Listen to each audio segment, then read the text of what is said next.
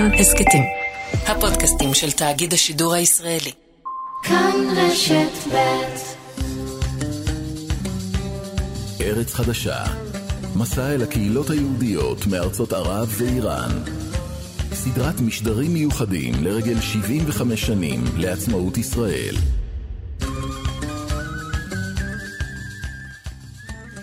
שלום לכם, ברוכים הבאים לארץ חדשה. המשדר המיוחד שלנו מוקדש היום לקהילת היהודים יוצאי מרוקו. רועי קייס, אהלן. אהלן, דקלה. הגענו היום לאחת הקהילות הגדולות מבחינה מספרית, הקדומות והמשפיעות. לגמרי. אנחנו היום עם המרוקנים, עם ההיסטוריה, התרבות העשירה של הקהילה הזאת, ועם ש- כל מה שעומד מאחוריה. תשמע, אנחנו כבר בתחנה החמישית אה, בארץ חדשה, דיברנו עד עכשיו על מצרים, עיראק, סוריה ולוב. היום אנחנו הולכים לדבר על הקהילה של יהודי מרוקו. נכון, ארץ חדשה, הסדרה שלנו בעצם באה לעולם מתוך מחשבה שבימים אלה, 75 שנים אחרי שקמה מדינת ישראל, אנחנו רוצים להביא את הסיפור של היהודים שהגיעו לארץ מארצות ערב ואיראן, סיפור שבהרבה מאוד מובנים, דקלה, עדיין לא סופר. ממש בטח לא ככה. במלואו. תגיד, אה, זה חוקי להגיד שאני ממש רוצה לדעת מאיפה באה הבדיחה על אה, יהודים ממרוקו, שכולם אומרים שסבא שלהם היה היועץ של המלך? לדעתי כן. אה, אולי באמת הגיע הזמן לברר מאיפה הדבר הזה מגיע. אז אנחנו נדבר היום על ההיסטוריה של יהודי מרוקו, הרחוקה והקרובה, על חיי הקהילות שם, וגם על העלייה והקליטה בארץ. אנחנו נגיד תודה לעורכת שלנו יעל שקד, לטכנאי חיים זקן, ולפני הכל, כתבנו עמרי חיים יצא לבחון מקרוב את קהילת יהודי מרוקו והכין תעודת זהות של המרוקאים. הנה.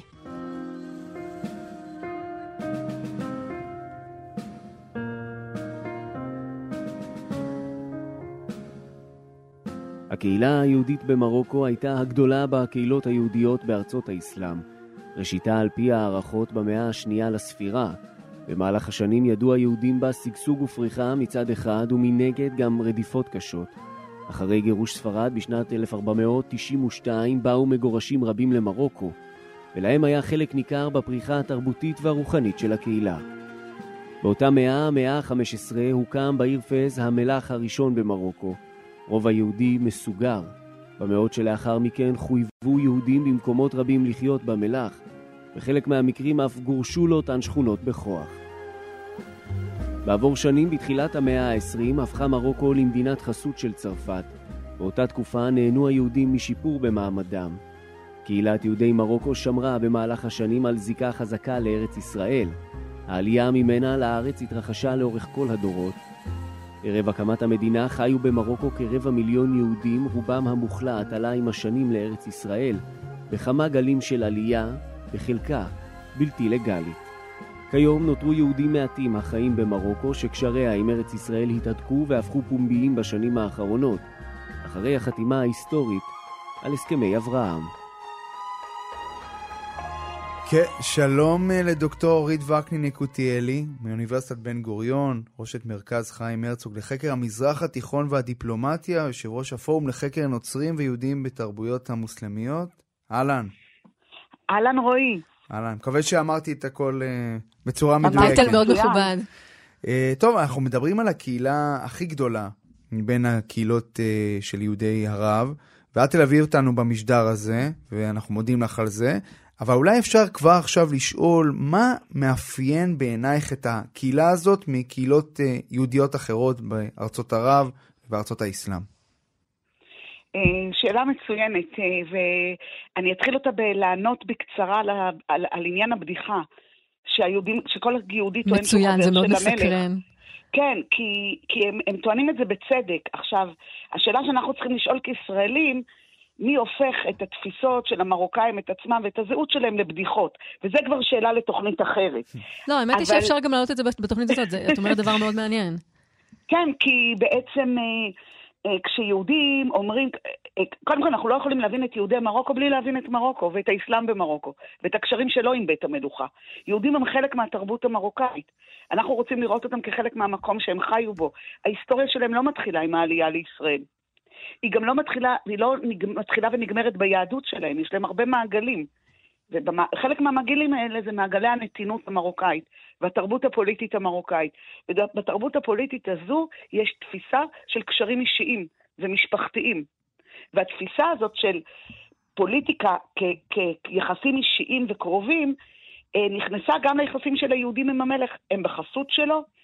אה, המלך, מי שמסתובב במרוקו, רואה איך בעלי מלאכה, למשל, משייכים את עצמם למלך דרך השירותים שהם נותנים לארמון. הארמון באמת העסיק הרבה מאוד אנשים, אז להיות הרפ"ד של המלך לא דבר כל כך נדיר. אה, להיות היועץ של המלך זה דבר שאנחנו יודעים שקיים. כלומר, הקהילה היהודית חשה בצורה לא צינית ולא כבדיחה קשר קרוב למלך. וכשיהודים אמרו, אנחנו חברים של המלך, הכוונה הייתה שהם בתוך מעגלי החסות של בית המלוכה.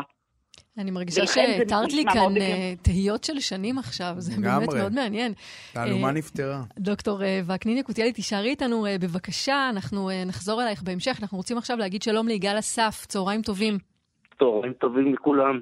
אתה יליד מרוקו, אני רוצה שנחזור איתך עכשיו אחורה במנהרת הזמן, שנים. ננחת עכשיו ביום של הבר מצווה שלך. אני יודעת שזה היה לפני הרבה זמן, חודש אוגוסט 1955. מה קורה באותו היום? מה קורה באותו יום? את יודעת מה, כשהתכוננתי ל... לרעיון הזה, הכנתי שלושה כותרים, איך אני אכנה אותו יום. האם ה-20 באוגוסט 1955 זאת השבת השחורה עבורי? האם התאריך הזה אני אכנה אותו מי גנב לי את אחותי, או שאני אכנה את זה לא זכיתי לחגוג בר מצווה. ואני אקפוץ לתאריך הזה. בתאריך הזה, מבחינה היסטורית, זה תאריך סימבולי בשנים 53, 54 ו-55. זה אותו תאריך עבורי שהוא תאריך ארור, בו הגלו את מוחמד החמישי, שהוא סבו של המלך הנוכחי למדגסקר. ואו אז המוסלמים במרוקו לא קיבלו את זה, וכל שנה ב-53, 54 ו-55 היו פרעות, היו השתוללויות והכל נגד הצרפתים, אבל כמובן תמיד היהודים גם כן סבלו. ואני אחזור ל-20 באוגוסט 55. אנחנו חוזרים מבית הכנסת, חגיגה משפחתית, חתן בר מצווה, אני אומר את הדרשה שלי, אנחנו יושבים בבית ופתאום אני, אני שומע, וכולם שומעים איזושהי זעקה שקוראים לה בערבית יחיא אל-מליק, המלך, יחיא המלך. ואז נחשול של אנשים מגיע לרחוב שלנו, ואנחנו שומעים צעקות, אה, יריות באוויר, קללות וכל מיני דברים האלה. אותנו הילדים החביאו או בעליית הגג או מתחת למיטות. מה אני זוכר? אני בן 13, חתן בר מצווה, מתחת למיטה, רואה גרזן מפלחת את דלת הכניסה, ומיד אחרי זה יריעות מתוך הבית שלי החוצה. ומיד אחרי זה התחילו יריות של מכונות ירייה, ואלה שהיו בעליית הגג ראו שליגיון הזרים הגיע והבריח את כל המתפרעים. אנחנו יוצאים החוצה, מתכוננים, כל המשפחה שלנו שגרה בעיר מזגה, שהיא אל-ג'דידה, על חוף הים התיכון, 100 קילומטר דרומית לקזבלנקה, כדי להגיע למשפחה בקזבלנקה, כי אנחנו לא נשארים. ואו אז, שעתיים או שלוש שעות אחרי זה, אבא שלי מקבל טלפון. אומרים לו, תקשיב, יש לך 24 שעות לעזוב את העיר, אנחנו נתנקש בחייך ובחיי משפחתך, כי נורו יריות מתוך הבית שלך אל מה שנקרא המפגינים, והיו פצועים או הרוגים. אני לא. זוכר. זאת אומרת, אתה בעצם מגיע ממעמד של בר מצווה בבית הכנסת למהומה עצומה ויריות וגרזן שאתה מתאר קרוב מאוד אליך, כן. ואולטימטום שאבא שלך מקבל. נכון, אולטימטום שאני מקבל, מכיוון, ואז אנחנו, זה, אנחנו בודקים אחרי זה משכנים וכן הלאה וכן הלאה, ואנחנו גרנו מחוץ למלח. והפרעות הגדולות ביותר היו בתוך המלח. מחוץ בעצם לרובע היהודי, למקום שבו היהודים היו... אנחנו גרנו מחוץ לרובע היהודי, אבל ברובע היהודי היו גם כן פרעות. שריפות וכל מה שאת רוצה, פינו את כל היהודים משם, שמו אותם במה שנקרא, בהיכל התרבות המקומי, ואני מחזיק בידי אה, מסמך שהצלחתי להשיג במסגרת הבדיקות שלי בגנזך המדינה. במסמך, אני ארשה לעצמי לקרוא אותו, כתוב ככה: פריז 25 באוגוסט, דרך טלפרינטר, אל שרגא, הסוכנות היהודית, למברקה 24 באוגוסט, וילנר מודיע שבמזגן ובעוד ארבע מקומות שרפו את בתי היהודים, והיהודים על ילדיהם יושבים בבתי כנסת. הג'וינט דואג לבגדים ואוכל, הקהילות אינן מטפלות, האחראים לעלייה במקומות מבקשים להעלות את כולם. בעיתון השריפי בקזבלנקה. יגאל, הופיע... אני כן. רוצה לשאול אותך, כי חשוב לי שתחדד לנו את הנקודה. מה בעצם אה, היה הרקע של המהומות האלה? אם אתה יכול לחדד לנו את הנקודה הזאת. אני, אני, אני אחדד את זה מכיוון שבהיסטוריה יכולים להגיד המלך היה וכל מה שאתם רוצים, הערבים היו וכן הלאה וכן הלאה. מכיוון שאני חקרתי את זה עשרות בשנים. הנקודה הייתה כזאת, והתאריך הזה הוא היה תאריך קרדינלי לעליית יהודים ממרוקו לישראל. ב-20 באוגוסט 1953. מה קורה אבל ברגע שבו אתם רוצים לצאת, לעזוב את האזור? אנחנו, ברגע שאנחנו רוצים לצאת ולעזוב את האזור, מעמיסים אותנו ברכבים, מפנים אותנו לקזבלנקה. בקזבלנקה אנחנו ממתינים שבוע-שבועיים עד שמכינים את כל הניירת, עולים על אונייה, לא רוצה להגיד לך אונייה, הפלגה וכולם כמו סרדינים, זאת אומרת בבטן האונייה זה עשרות מיטות של קומה ראשונה, שנייה ושלישית וכולם שוכבים שם. תנאים קשים מאוד. תנאים קשים מאוד. מה קורה? אתם מגיעים למרסיי? מה, מה קורה כשאתם אנחנו- מגיעים לשם? אז, אז רגע, אז אנחנו מגיעים, אז קודם כל אנחנו מגיעים למרסיי. איפה שאנחנו מגיעים למרסיי ביום כיפור. אבל במרסיי, באותו יום, אחותי התינוקת, בת שמונה חודשים, הרגישה רע. ההורים שלי, בליווי נציג הסוכנות היהודית, מפנים את האחות לבית החולים. ההורים מגיעים איתה. האחות מתאשפזת, ואומרים להורים שלי שהם דוברי צרפתית, תבואו מחר, תקבלו את אחותכם בחזרה, את הבת שלכם בחזרה.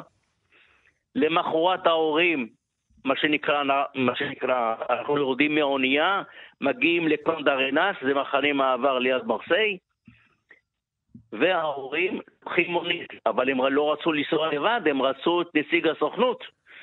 והאדמה בלעה את נציג הסוכנות. ההורים מגיעים לבית החולים. מה שנאמר, אני אגיד לך מה שנאמר, זה מה שההורים שלי סיפרו. אמרו להם, התינוקת שלכם נפטרה ונקברה. אוי ואבוי. תקשיבי, תינוקת ותקשיבי. שהם ראו לפני זמן לא רב, לי- והיא נכון. הייתה בסדר גמור. היא הייתה בסדר גמור, היא הרגישה רע, אבל לא. עכשיו, איפה כתוב? איפה נראה דבר כזה שבצרפת, כשאתה מכניס ילד לבית חולים, יש מה שנקרא מסמך קבלה, יש מסמך יציאה, ואז ההורים חוזרים, מה שנקרא, למחנה. עכשיו, ההורים תמיד שואלים אותי, מה, הם לא אמרו, הם לא התנגדו? אמרתי להם, תראו, תקשיבו טוב, אני אנתח את זה היום. ההורים שלי קיבלו את השוק הראשון בבר מצווה, שהם ברחו, עם האיומים. הגיעו לפה התינוקת, יש להם שישה ילדים קטנים. הראש שלהם לא היה בזה. לא משנה, אני עובר עכשיו, אני עובר עם השנים. אני הייתי עובד מדינה בכיר, בסדר? כן. הייתי קרוב לשרים וכן הלאה וכן הלאה. ויום אחד אני מגיע לאימא שלי, זיכרונה לברכה, ואני אומר לה, אימא, תגידי לי, מדוע כשעבדתי בממשלה, אבא לא ביקש ממני שאני אעלה את עצמותיה של אחותינו. היא אומרת לי, על מה אתה מדבר? אני אימא, נכון? אחות שלך מעולם לא מתה.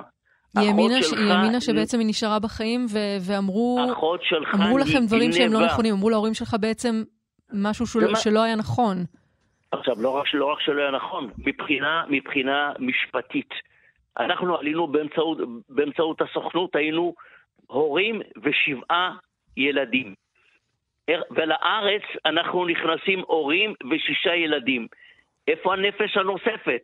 מי אחראי עליה? מדוע היא לא רשומה כנפטרה? יגאל אסף, אני חייבת להגיד, אתה מדבר על אירוע שקרה לפני הרבה שנים ועדיין שומעים את הכאב בקול שלך כל כך. אני רוצה להגיד לך תודה אגיד, רבה שדיברת איתנו היום. אני, אני, אני אשמח, אני יודע, אם מישהו ירצה לקבל את כל הפרטי פרטים, כי אני עשיתי חקר בגנזך, בגנזך המדינה.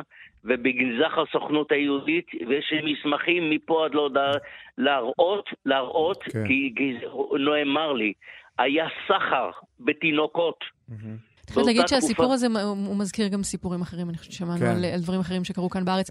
יגאל אסף, תודה רבה ששיתפת אותנו בסיפור שלך. אני מאוד מודה לכם. תודה רבה לך.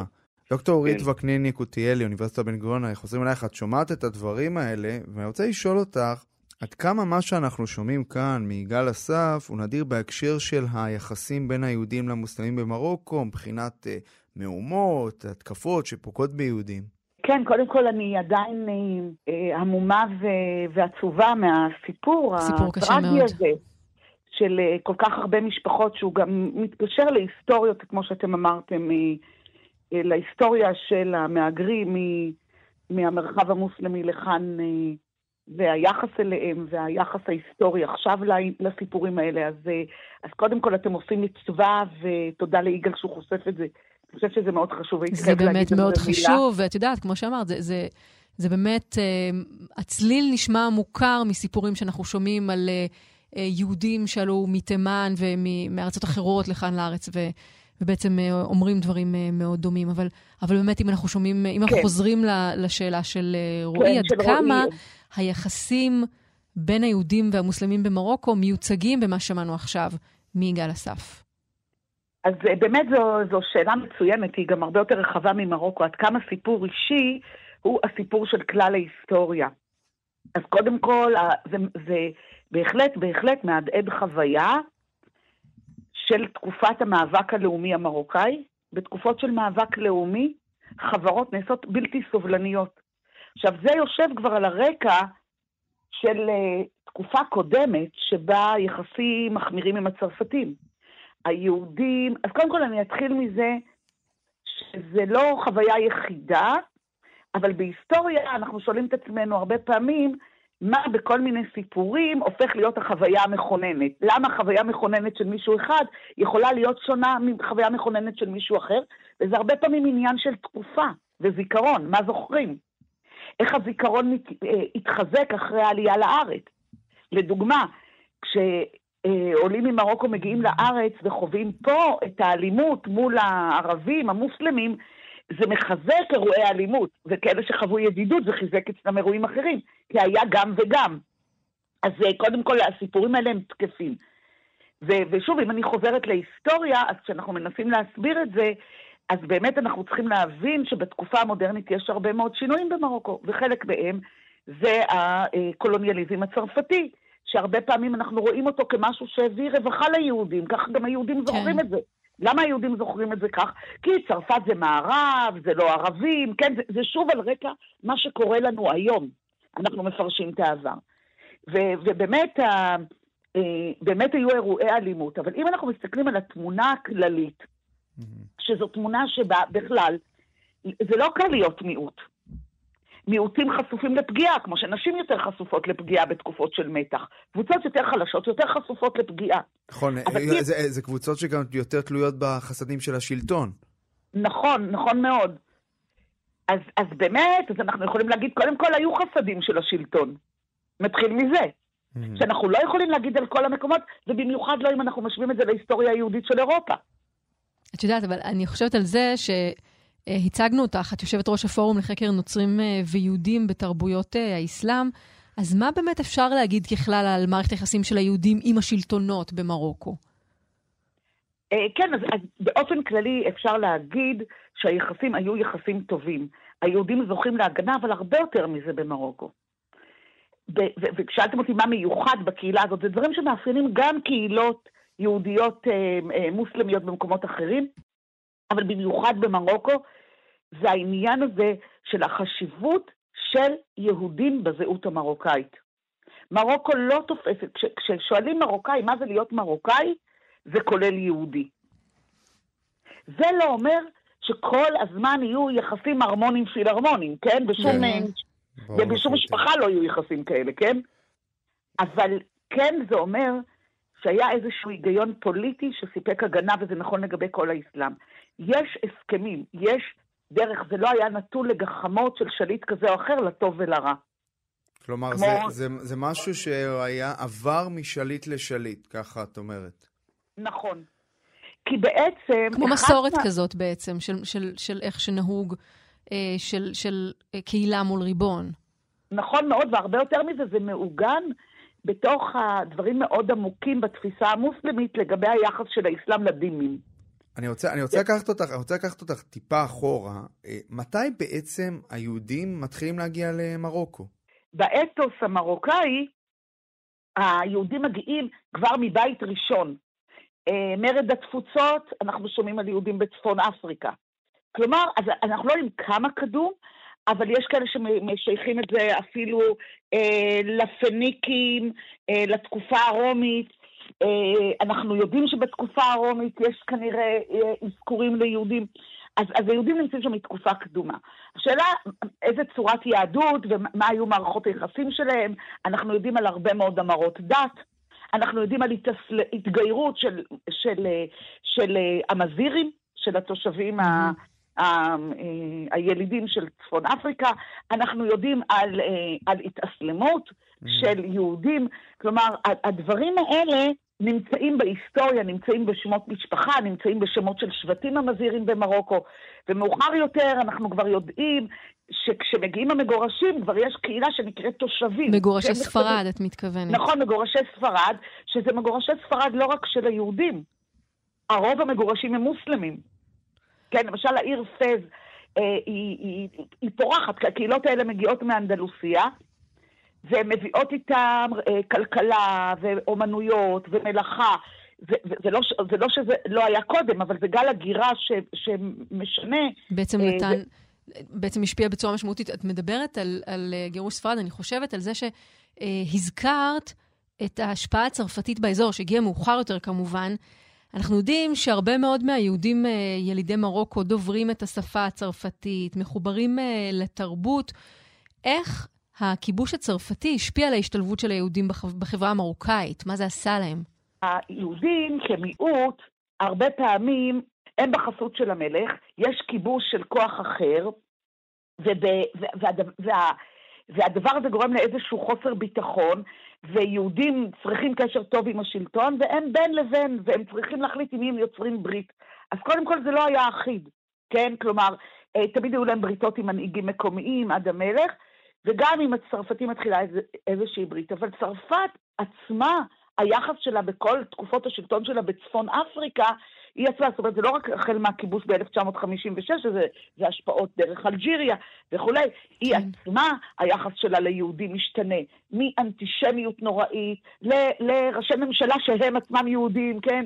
ואז אז, אז האמביוולנטיות, היחס הצרפתי ליהודים, הוא כמובן עובר גם לקולוניות, והרבה פעמים עובר לקולוניות, למושבות, okay. אפילו בצורה עוד יותר חמורה, כי אנשים שהולכים למושבות מרגישים הפטריוטים של המדינה הצרפתית. בדרך כלל הם גם יהיו יותר ימניים. הדבר הזה מאוד מאוד משפיע על, על הקיום היהודי, גם יש כמה נקודות זמן קריטיות. אז קודם כל הכניסה של רשת אליאנס ל... ב-1862 למרוקו היא מאוד מאוד משמעותית בחיבור של היהודים לתרבות צרפת. Mm-hmm. יש לזה גם תרומה ב... זה, לא, זה לא הייתה רשת ציונית או לאומית, אבל מודרניות ולאומיות הלכו יחד. ובגלל שהיה חינוך מודרני, זה גם יצר תשתית לחינוך ציוני-לאומי במרוקו. את יודעת, אני תמיד חושבת על זה שאנחנו מדברים איתך, ואנחנו בעצם סוקרים כאן בכמה דקות, רועי, נכון? היסטוריה כל כך ארוכה. משימה בלתי אפשרית. לא, אבל זה באמת, זה מעורר הרבה מאוד שאלות, וגם, אתה יודע, אנחנו שומעים על הכיבוש הצרפתי, אבל אנחנו דיברנו מקודם, וגם עכשיו ככה הסתכלנו אחד על השני, כי אנחנו כבר אומרים, אוקיי, אבל מה קורה אחר כך כשכל הטוב הזה, כשהיהודים כבר... כבר הולכים, נכון? נכון. בסופו של דבר, אנחנו מדברים על קהילה שהייתה לפי ה... לפי המספרים שידועים, רבע מיליון. אה, זה המון, קהילה עצומה. והיא הפכה לכמה אלפים. אז, אז בהקשר הזה, אני רוצה לשאול אותך, אה, דוקטור יקותיאלי, מה זה עושה למרוקו כשהיהודים אט-אט פשוט, מה, ש, מה שנקרא, עוזבים את המדינה? אה, באמת, זה, זה, זה חשוב מאוד להעלות את זה, כי הרבה פעמים כשאנחנו מדברים על עליות, אנחנו עוסקים ביהודי, באנשים שעולים, מהגרים, כן?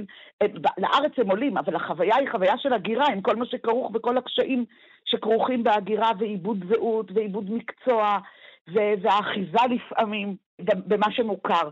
ומעט מאוד אה, פעמים שואלים על מה קורה למי שנשאר מאחור, וזו שאלה מאוד משמעותית. וגם כאן יש היסטוריה שאני אנסה להגיד אותה בשתי דקות.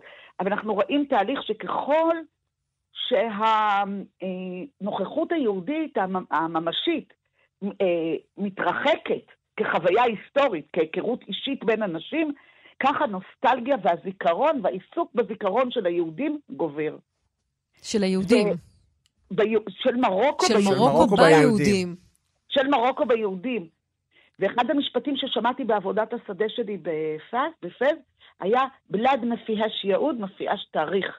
ארץ שאין לה יהודים, אין לה היסטוריה. אין לה היסטוריה. ממש מתגעגעים אליהם, זה נשמע כן. ככה שמרגישים בחסרונם. נכון. עכשיו, זו תופעה שקורית בכל המרחב המוסלמי. הרבה יותר במרוקו, אבל אנחנו רואים עניין הולך וגדל ביהודים, ויש לנו באמת אה, קבוצת מחקר שעוסקת בדיוק בשאלה הזאת של, של אה, השיח על היהודים, אה, ההיסטוריה של, של השיח על היהודים במרחב המוסלמי. אנחנו רואים את זה בכל מקום. וזה קשור גם למה שקורה למזרח התיכון מול הנוצרים, זה קשור להרבה תהליכים פוליטיים. זה קשור להתקרבות של, זה שמרוקו היא חלק כן. מגוש המדינות. זאת אומרת, בזיכרון שלנו, שהוא תמיד רגשי, הוא תמיד מאוד מאוד אישי, יש גם פוליטיקות רחבות שמשתתפות. ובתוך התהליך הזה, בשנים מסוימות במרוקו התפרסמו יותר מחקרים על יהודים מאשר, ב, ב, על יהודי מרוקו מאשר בארץ. כולל דיון על מלחמת וזה, העולם השנייה במרוקו. וזה כשלעצמו, מאוד... שהוא, שהוא, כן. שבכלל לא הספקנו, אבל אולי נדבר כן. על זה עוד בהמשך.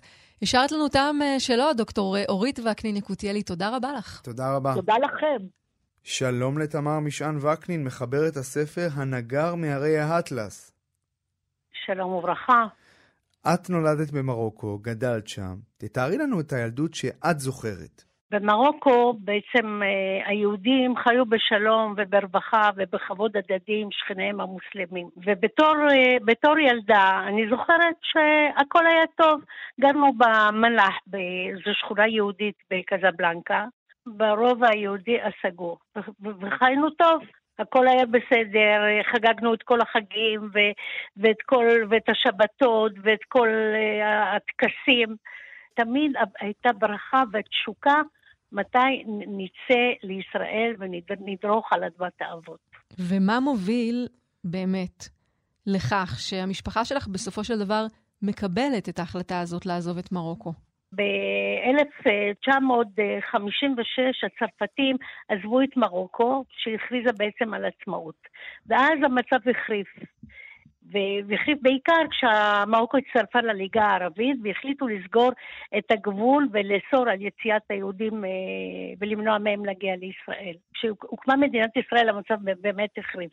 אחרי, ש, אחרי שהצרפתים עזבו, הם נתנו, נתנו דרור לעצמם והתחילה בעצם, אה, לא התעללות, אבל החיים היו יותר קשים. כבר התחילו להגביל את היהודים, היו פרעות במקומות מסוימים. שנים, וסגרו את הגבולות, לא נתנו לצאת. אז איך מתכננים, המוס... אז איך מתכננים יציאה ממרוקו כשהדבר הזה בעצם לא חוקי?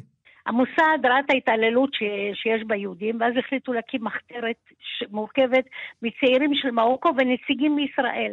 וקראו לה, למחתרת הזאת המסגרת, שאליה גייסו צעירים מכל תנועות הנוער במרוקו. שתפקידם היה להגן על חייהם ורכושם של היהודים ולהבריח אותם לישראל בדרכים שונות בחשאי, תוך סיכון עצמי גבוה. בחודש אה, יוני 1956 גם המשפחתי עם עוד 50 משפחות אחרות יצאו בסיוע של המחתרת. תמר, אז אני שומעת כן. את הדברים האלה ואני תוהה, מה את זוכרת מהיום שבו את מתעוררת ויודעת שזה הבוקר האחרון בבית שלך? תראה, בתור ילדה קטנה, כן, אני רוצה שאני אספר לך את האמת מה היה. רק את כשאני האמת. באתי, אני באתי יומיים שלושה לפני, לפני היציאה, ראיתי ארגז גדול שאורזים דברים ואני הייתי עם הילקוט על הגב וכריך, כריך בתוך הילקוט, הילקוט שלא הספקתי לאכול אותו, וזרקתי אותו לתוך הארגז. כן? כשהגענו לארץ, אחרי שבע שנים שקיבלנו את הארגז, אני מצאתי את הילקוט עם הכריך, עבש כולו. בסדר? זה חלק מחלק מזה. בתור ילדה, מה אני יכולה לזכור? שמחים, נוסעים. לא יודעים. יודעים שזה היה סוד שלא דיברו עליו, שמשהו שקיווינו לו כל הזמן, שכל הזמן בירכנו, שבשנה הבאה נהיה בישראל, והנה זה מתגשם. בתור ילדה, לא, יודע, לא הבנתי בדיוק את כל הסיכונים וכולי. מה, מה קורה למעשה אחרי שאתם מגיעים לגבול, לגבול עם ספרד, עוד לפני שאתם מגיעים אוקיי, לישראל? אנחנו בעצם הגענו לטנג'יר, מטנג'יר היינו 50 משפחות באיזה מלון, והעבירו אותנו בעוד שלושה אוטובוסים לחצות את הגבול לסיוטה. גבול ספרד. ואז סיפקו לנו, המחתרת סיפקה לנו אה, דרכונים מזויפים, ונתפסנו בגבול. נתפסנו בגבול, גילו שם דרכונים אה, מזויפים, ואז עצרו אותנו למשך חצי שנה. בטטואן, בעיר טטואן, Mm. שבעצם פינו בית ספר כשה, כשהג'וינט אה, תמך בנו כלכלית. אחרי חצי שנה שחררו את כל המשפחות, כולם עזבו, כל אחד היה צריך, יכל ללכת לאן שהוא רוצה רק בתחום מרוקו. ההורים שלי החליטו עם הילדים להישאר בטטואן. דוד היה לו תפקיד מאוד חשוב אה, בחיים שלנו. הוא היה פייטן מוכשר עם כל זמיר, וכך הפך לפייטן של הקהילה היהודית בטטואן. והם תמכו בנו, ואבי היה בבית הכנסת שם, אחראי על בית הכנסת, ואז הם צירפו את אחי שהוא היה בן 11 למחתרת. הוא הצטרף למחתרת, והטילו, עליו תפקיד להוביל שתי קשישות דרך גבעות אה, הרריות בהליכה ברגל במרחק של 20 קילומטר, ולחצות את הגבול לסיוטה. כן? זה היה ביום שישי, ביום ראשון ההורים שלי עם אחי התינוק בן שלושה חודשים הצטרף אליו, ואנחנו שלושת הבנות נשארנו אצל השכנה, אחר כך אה, נסענו עם, אה, עם ערבי שהתח... שעבד עם המחתרת. עכשיו, אחרי שכולנו נפגשנו באיזה מנזר בסיוטה. בעקבותיו של, של דוד, כל, כל המשפחה יצאה. ואז כל המשך המסע בעצם מהרי אטלס במרוקו ועד למרגלות הרי נפתלי בקריית שמונה, מסופר בפרוטרוט ובהרחבה בספר הנגר מהרי אטלס. את יודעת, את מספרת על מסכת כזאת ארוכה של טלטלות כן. בדרך הזאת כן, של יציאה. כן, כן. מה זה עושה לילדים? מה זה עושה למשפחה? זה מתחיל להיות קשה. בהתחלה זה נעים, זה נחמד לילדים, כן? זה נעים, זה נחמד, זה שינוי, זה כל פעם להחליף מקום, זה, זה, זה מרתק. אבל באיזשהו שלב נמאס, ואני יכולה להקריא איזה קטע שהיה. אני רוצה להתמקד במסע הזה, כן? בתחנה אחת שהייתה, במסע שהייתה מרתקת ומסוכנת מאוד. כן. והיא צליחת הרי הריף. אלה שרשרת הרים גבוהים ומשוננים, שרוח מקפיאה וקור אימים שורר בהם. המחתרת החליטה להעביר אותנו דרך הרי הריף, אחרי שחשדו שמשטרת מרוקו עלתה על עקבותינו וידעו ששם לא יחפשו אותנו. את ההר הזה אנחנו צלחנו בעזרת חמישה נוודים ברברים שחורים, עטופים בגלומות שחורות שרואים רק את הלובן של עיניהם ואת כפות ידיהם. כל נווד נסע על כתפו מתחת לגלימה אחת משלושת הבנות, וכך רצו וקיפצו בין הסלעים. אני רוצה להקריא קטע מהחוויה הזו של ילדה מתחת לגלימה. ממש זו בקצרה. התשובה לשאלה כן. שלך. קדימה. עצמות כתפו, כתפו של הנווד הכאיבו לבטנה של תמר, תמר זו אני. היא ניסתה לזוז ולשנות את התנוחה שבה החזיק אותה, אך הוא חזר והידק את בטנה לכתפו. לגלימה היה ריח של מדורה, כמו הריח שנדט מהרוכל בשוק של טטואן, שמכר ארמונים כלואים. ראשה כאב ובחילה תקפה אותה.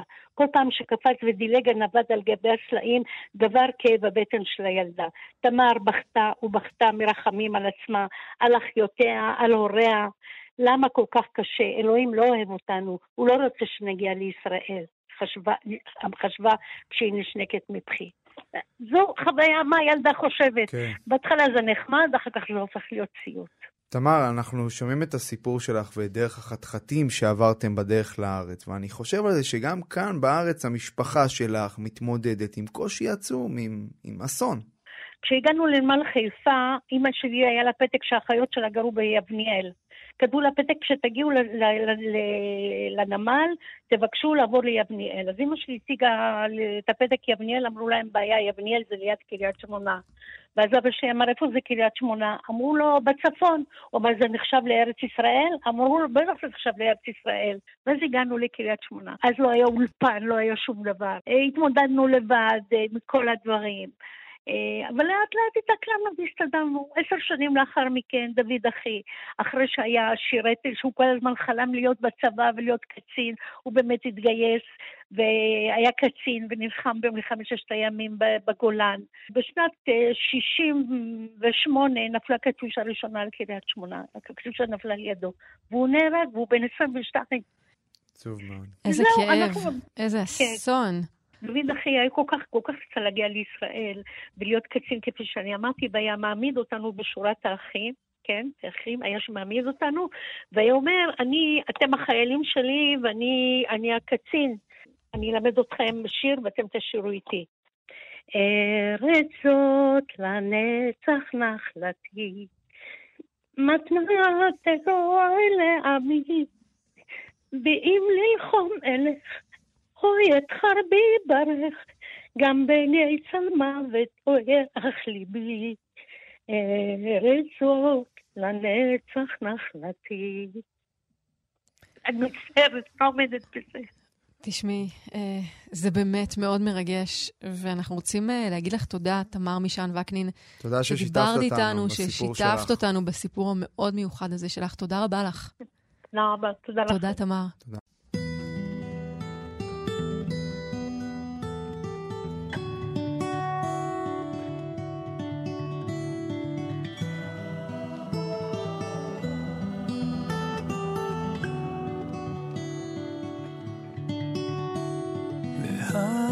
אלך חפצתי ולא ידעתי בעמה כי את נפשי עבדתי בה שלום ליגל הרוש, מוזיקאי שלום, פייטן. שלום, שלום, שלום רועי, שלום דקלה, שלומכם? אז ספר לנו, קודם כל אנחנו שומעים את הצלילים הנפלאים האלה.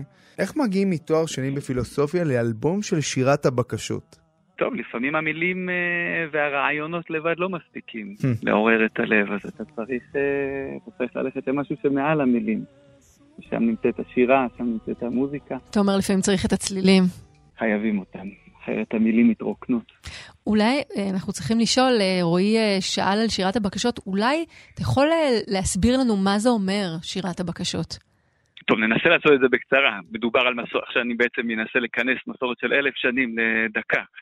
אבל בעצם אה, שירת בקשות התחילה כאיזשהי ניסיון להמתיק טקסי אבלות שהיו מבוצעים בלילות, אה, מה שנקרא תיקון חצות. בעצם במשך שנים אחרי החורבן נהגו יהודים לקונן על החורבן ועל כל מי שהסתעף כתוצאה מהחורבן. זאת אומרת, גלו, גם הגלות הפיזית, אבל גם גלות הלב וסתימת מעיינות החוכמה והלב שהולך ונאטם. כל אלה נתפסו, כת... וכמובן כל הצרות שבאו על העם היהודי, כל אלה נתפסו כתוצרים של הגלות. ועליהם היו בוכים ועליהם היו מבקשים בלילות.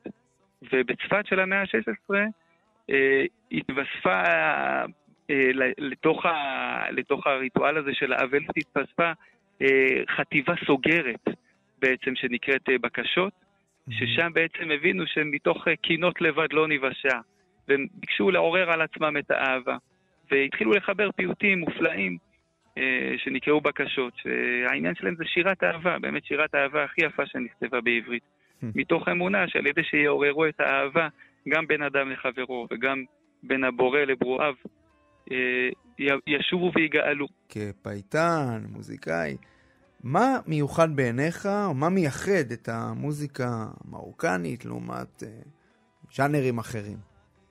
טוב, מוזיקה מרוקאית זה דבר מאוד מאוד רחב. זאת אומרת, אנחנו יודעים היום שבמרוקו יש לפחות 50 תת-ג'אנרים, אבל אם אני נכון. אתמקד בשיר, בשירת הבקשות, אה, אז אני חושב שיש שני דברים שמאוד מייחדים אותה. קודם כל, ברמה הפואטית מדובר באמת באוצר של כ-550 פיוטים, שאוצר פואטי שאין שני לו, באמת, במסורת ה- היהודית, ונראה לי גם במסורת הפואטית בכלל. באמת שירת האהבה הכי יפה שנכתבה בעברית. ברמה המוזיקלית, אחד הדברים שמייחדים את המסורת הזאת, שכמו שאמרתי, יש כאן כ-550 פיוטים שמבוצעים במהלך שבתות החורף. בעצם לכל שבת יש סט פיוטים משלה. כל מדהים. שבת במקם, בנובה שייחודית לו, בסולם המוזיקלי שייחודי לשבת. ובעצם כל שבת היא חד פעמית. כלומר, למשל, אם פספסתי את שבת אה, פרשת נוח, את הפיוטים של שבת נוח, פעם הבאה שאני אשמע את זה, זה שנה הבאה. זאת אומרת, זה, נאמבר בעצם שקיים באופן אה, אקסקלוסיבי, שבת אחת בשנה. לגמרי, אנטי גלגלצ, כאילו, אה, ממש אה, הפוך. אתה יודע, אני מדמיינת אותך הולך במשך שש שנים לבתי כנסת, שבת אחרי שבת, כדי לשמוע ולשורר מה שנקרא את שירת הבקשות. נכון, אתה יודע, אני חושב שיש משהו, דווקא בחד פעמיות של החוויה, שאתה נוצר אותה. אתה גם מגיע עם קשב אחר, והיא גם אה, נחתמת בלב בצורה אחרת, כשאתה יודע, החד פעמיות שלה היא, היא חלק מהקסם שלה, אני חושב. אה, עוד דבר שמייחד את המסורת המוזיקלית הזאת, שהיא בנויה אה, כמו איזושהי סוויטה כזאת, כלומר, לכל יצירה יש את ה... יצירה עוקבת אליה, וזה בעצם, ה- ה- המוזיקלית זה בנוי בצורה מדהימה, כי ככל שהמסורת הזו מתחילה בלילה, מתכנסים בשלוש וחצי בלילה, וככל שהאור מתחיל לחדור בחלונות של בית הכנסת, גם המוזיקה הולכת ונהיית יותר ויותר אקסטטית ויותר קצבית. אה, מוזיקלית גם, מדובר בעצם. ב... ב... בעצם כל פיוט קשור עם הפיוט השני ברמה המוזיקלית, כשלהבת הקשורה בגחלת, כמו שכותב אחד המאדירים של הקובץ הפיוטים, שיר ידידות. רועי, בגדול אני רוצה שהוא, שהוא רק ימשיך לדבר. יכולים ללכת, כי אתה פשוט מדבר. כל כך יפה, מדבר באהבה. אנחנו רוצים לשמוע עכשיו פיוט שכתבת, אתה יכול לספר לנו עליו?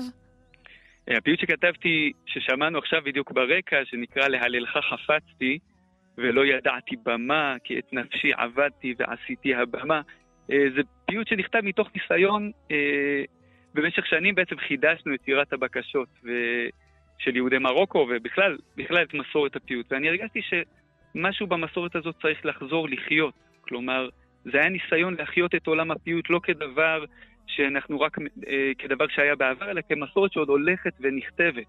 אה, כמו שהזכרתי, שירת הבקשות מכילה בתוכה כתיבה מאבן גבירול עד רבי דוד בוזגלו, זה אלף שנים של כתיבה, והרגשתי שדווקא בארץ ישראל אסור שאנחנו נשחרר את המסורת הזאת של הכתיבה. דווקא עלינו מוטלת האחריות לחזור ולכתוב. עכשיו, אמנם אנחנו לא נתעלה לגבהים של אבן גבירול, בוודאי גם לא לגבהים של רבי דוד בוזגלו, אבל חשוב שכל דור יכתוב את הפיוט שלו, שיכתוב את... כל אה, תקופה מאווy- והמתאים לה, כן, אתה יודע. את המאוויה ואת ההתמודדויות שלו מבעד לפריזמה הזאת של הפיוט, שמכריחה אותך בעצם לכתוב דרך המקורות, דרך התלמוד, דרך המדרש, דרך המקרא, לפעמים גם דרך הזוהר, ודרכו לנסח את התקופה שלך.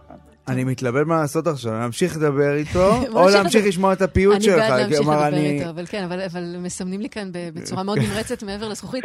אז אנחנו פשוט נגביר עכשיו את המוזיקה ונגיד לך תודה רבה, יגל הרוש, תודה. רבה לך, תודה על השיחה תודה רבה המרתקת. הזאת. ידידי רועי מקימי במרמס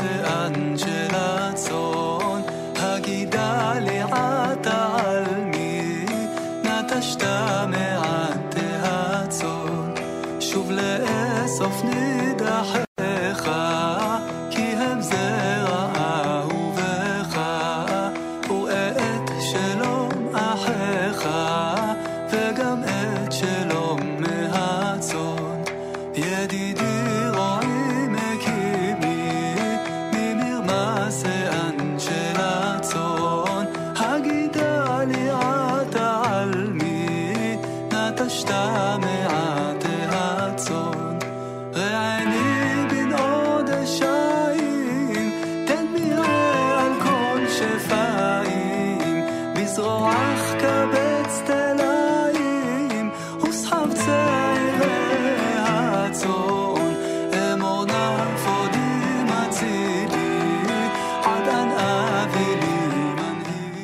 שלום לאשר כנפו, מחנך, סופר, חוקר, עורך את כתב העת הדו-לשוני של יהודי מרוקו ברית.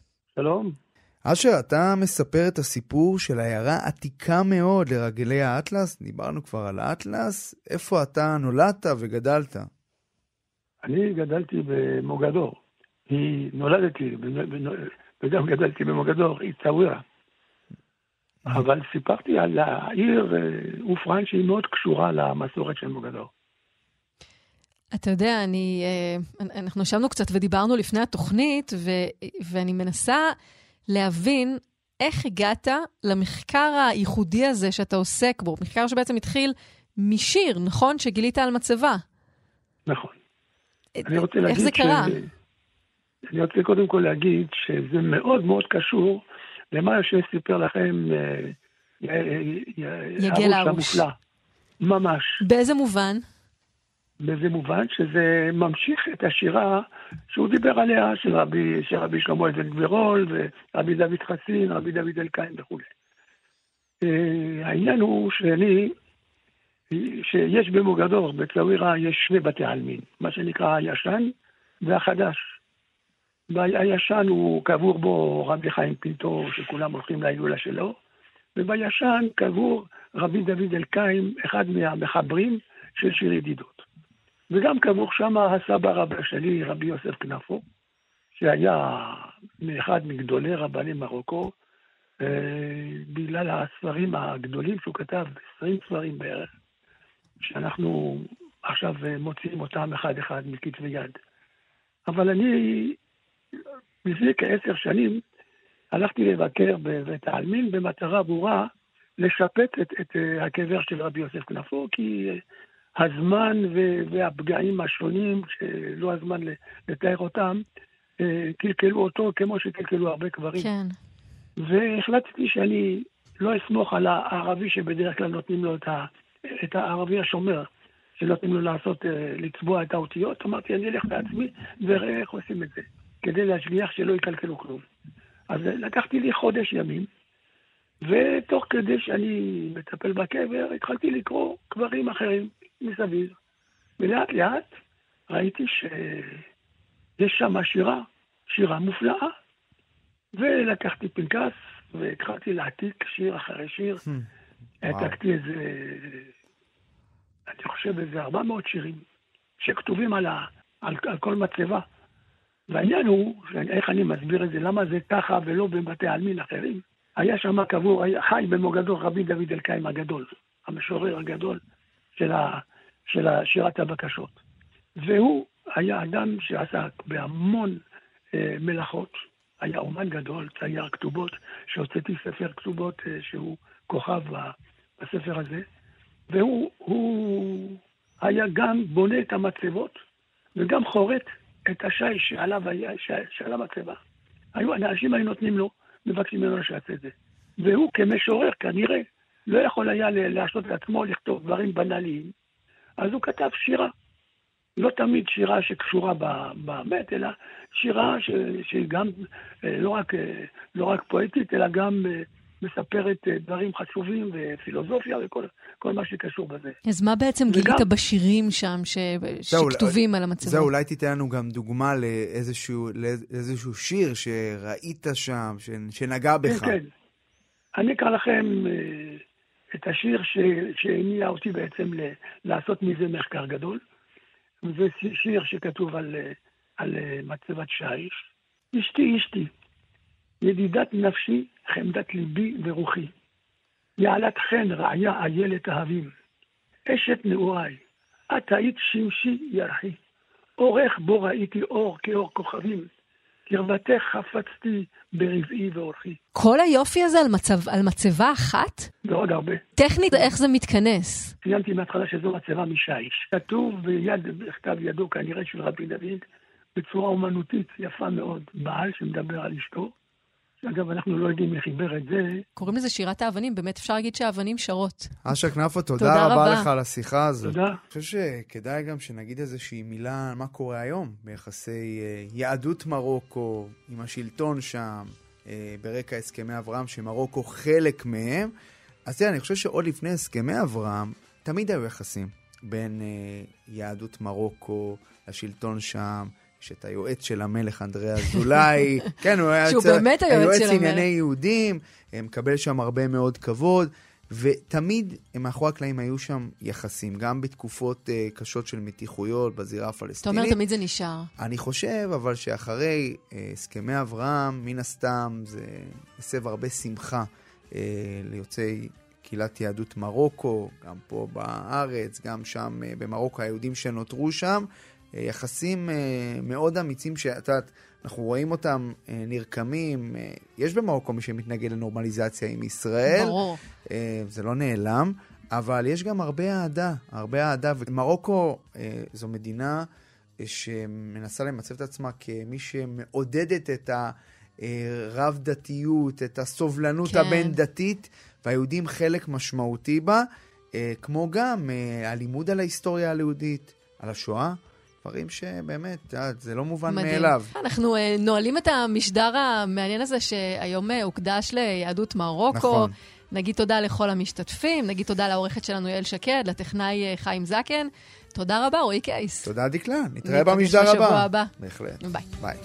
ארץ חדשה, מסע אל הקהילות היהודיות מארצות ערב ואיראן. סדרת משדרים מיוחדים לרגל 75 שנים לעצמאות ישראל.